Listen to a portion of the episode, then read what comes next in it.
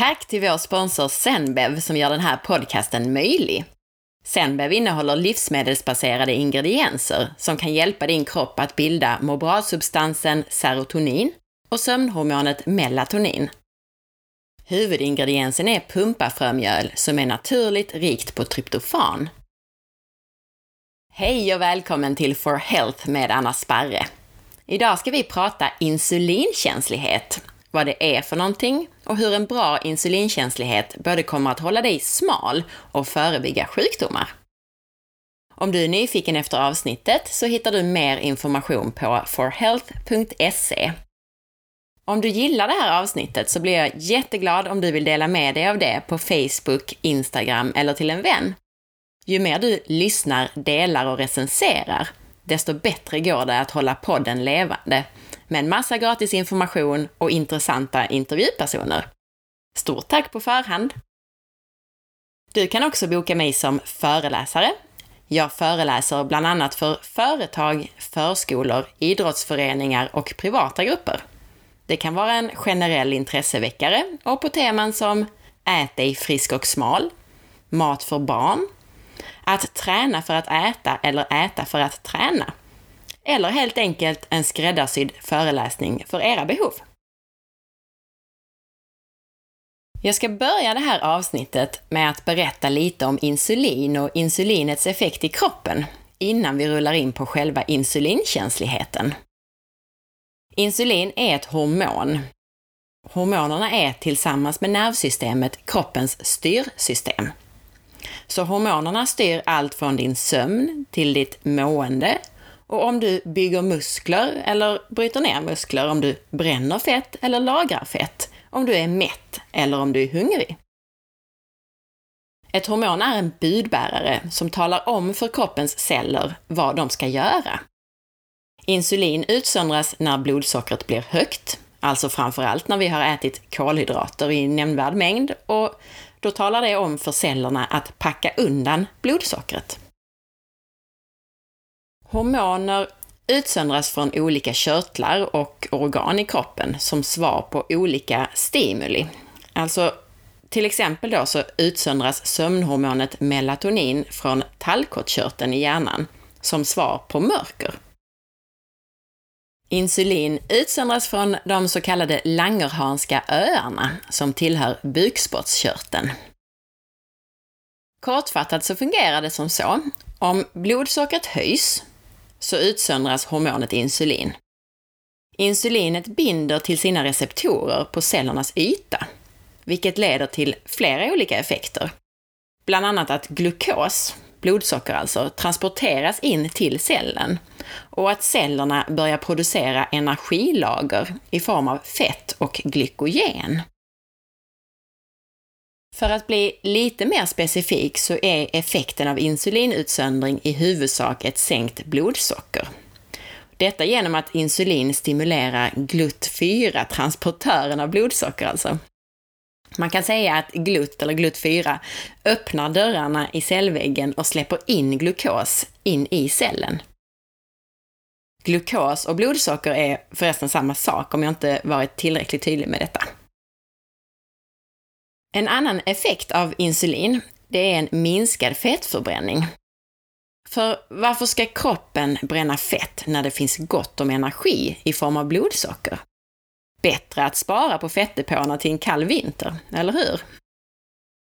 Insulin hämmar enzymet lipas som annars frisätter fett från fettdepåerna till blodet. Istället så stimulerar det glukosförbränning, alltså förbränning av blodsocker.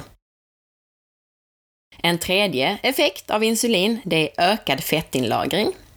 Insulin stimulerar enzymet lipoproteinlipas som medför inlagring av fett. Dessutom så hämmar detta produktionen av ketoner. Det hämmar alltså det här superbränslet som jag pratade om i avsnitt 12, som är så skyddande för hjärnan och som vi, när vi har en hög fettförbränning, så producerar vi de här ketonerna. När insulin utsöndras så utsöndras också ett annat hormon som heter IGF-1, Insulin-like growth factor. Och det här leder till celltillväxt och ett förhöjt insulin och för mycket IGF-1 kan öka din risk för cancer. Lite insulin behöver inte alls vara dåligt, särskilt inte hos en frisk person. Insulin kan till exempel tillsammans med andra hormoner stimulera till ökad muskeluppbyggnad eftersom insulin stimulerar transport av aminosyror, proteiner alltså, till muskelcellerna. Men däremot så kan ett ökat insulin minska dina nivåer av tillväxthormon, growth hormone alltså, som är ett känt anabolt muskeluppbyggande hormon. Men till skillnad från lite insulin ibland, som är helt okej, okay, så kan ett kroniskt förhöjt insulin ge sämre känslighet för mättnadshormonet leptin, det som kallas leptinresistens. Det innebär alltså att du inte lika tydligt känner mättnad, även om du lägger på dig i vikt. För normalt sett så gör kroppen det. Går du upp lite grann i vikt utsöndras mer leptin och du blir mättare snabbare. Men vill du lära dig mer om leptinresistens så ska du söka fram eh, Robert Lustigs forskning. Kanske gör jag även ett eget avsnitt på detta hormon, men jag har berättat lite om leptin i avsnitt 23. Ett ständigt förhöjt insulin bidrar till inflammation. Inflammation är roten till alla våra välfärdssjukdomar, allt från hjärt och kärlsjukdom till demens och tarmsjukdomar. Så för att summera allt det här med insulinets effekt innan vi kommer in på själva insulinkänsligheten, så kan alltså insulin i för stor mängd göra dig både fet och sjuk. Och som jag nämnde så frisätts insulin av stigande blodsocker. Men man ska också veta att insulinutsöndring kan också stimuleras av större mängder protein. Fett stimulerar inte insulin och därmed inte fettinlagring. Man blir alltså inte fet av fett. Enorma mängder mat, oavsett sort, kan dock stimulera ett hormon som heter ASP, som också kan stimulera fettinlagring. Men den huvudsakliga fettinlagringsmekanismen är insulinet som till största del beror på ett för högt blodsocker. Så, till själva insulinkänsligheten. Insulinkänslighet är cellernas förmåga att reagera på hormonet insulin och ta upp glukos, blodsocker alltså, från blodet. Personer med typ 2-diabetes, de har en nedsatt insulinkänslighet, så kallad insulinresistens, vilket innebär att cellerna då inte är lika känsliga för insulin. Därmed behöver kroppen ösa ut mer insulin för att få samma effekt om man är insulinresistent eller har diabetes, alltså för att få in den mängd blodsocker i cellerna som kroppen vill. Det som händer vid sämre insulinkänslighet, alltså ökad insulinresistens, är att receptorerna för insulin på ytan av cellerna både blir färre och blir mindre effektiva. Nedreglering helt enkelt. Eftersom blodsockret då inte kommer in i cellerna så blir det istället kvar i blodet. Bukspottkörteln, den märker av att det fortfarande är för mycket blodsocker i omlopp i kroppen och svarar med att ösa ut ännu mer insulin. Det här gör ju att receptorerna på cellerna regleras ner ännu mer. De blir ännu mer resistenta. En ond cykel helt enkelt.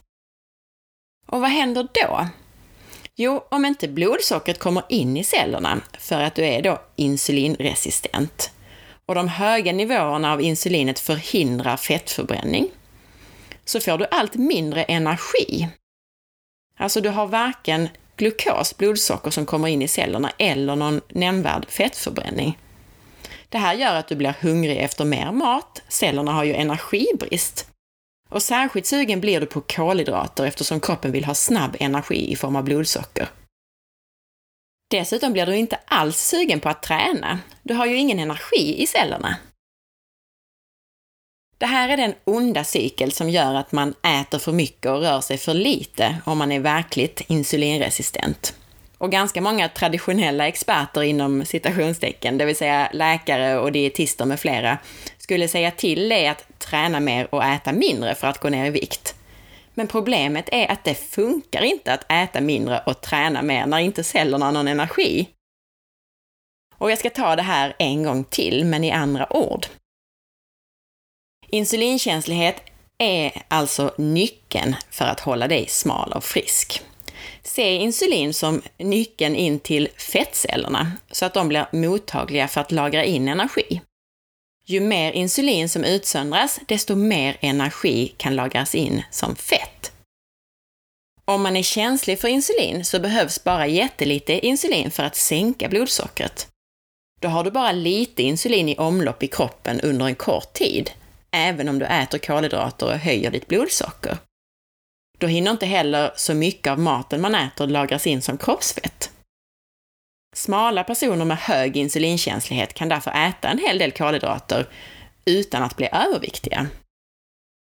Är man däremot insulinresistent, alltså har dålig känslighet för hormonet insulin, så utsöndras massor med insulin, även som respons på en liten kolhydratmängd, för att kunna få in det här blodsockret i cellerna. Cellen hör inte insulinets signaler. Det är som en bullerskada kan man säga. Utsätts du dag ut och dag in för höga ljudvolymer så blir du till slut halvdöv. Om kroppen utsätts för blodsocker i stor mängd dag ut och dag in så blir till slut cellerna döva för det. Man sliter ut den här insulinmekanismen och receptorerna.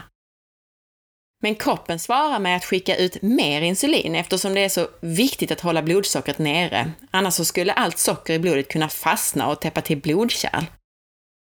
En insulinresistent person har blodsockret högt under en längre tid och mycket mer insulin produceras. Med resultatet att allt man äter under den här perioden, alltså perioden med högt insulin, allt det man äter lagras in. Och då mest som fett.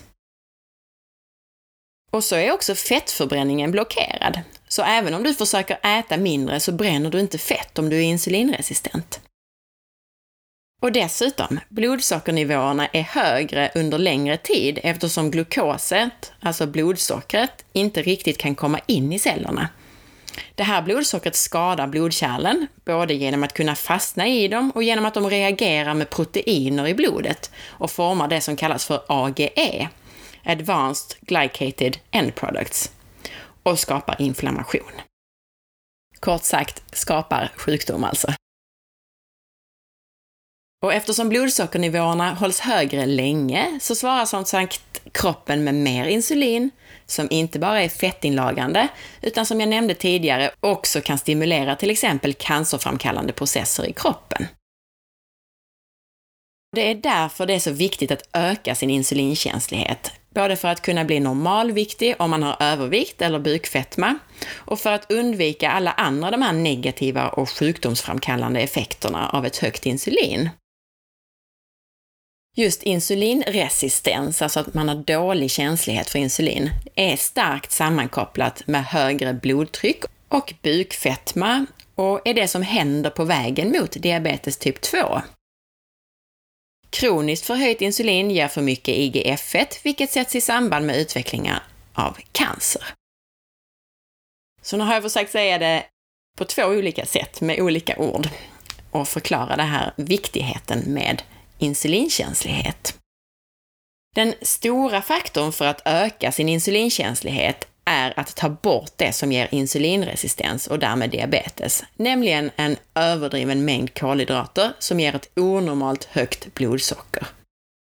Men det finns också massor med små andra knep som jag tänker göra ett eget avsnitt om. Jag vet inte om det kanske hinner komma en intervju emellan, men om en eller två veckor så får du tips på hur du ökar din insulinkänslighet. Så nästa gång vi pratar insulinkänslighet så ska jag alltså berätta hur du får bukt med den där insulinresistensen, eller även om du inte är överviktig och sjuk kan öka din insulinkänslighet och bli ännu friskare och smalare. Tack för att du lyssnade! Missa inte att följa med på forhealth.se och på facebook.com forhealth.se och på Instagram under asparre.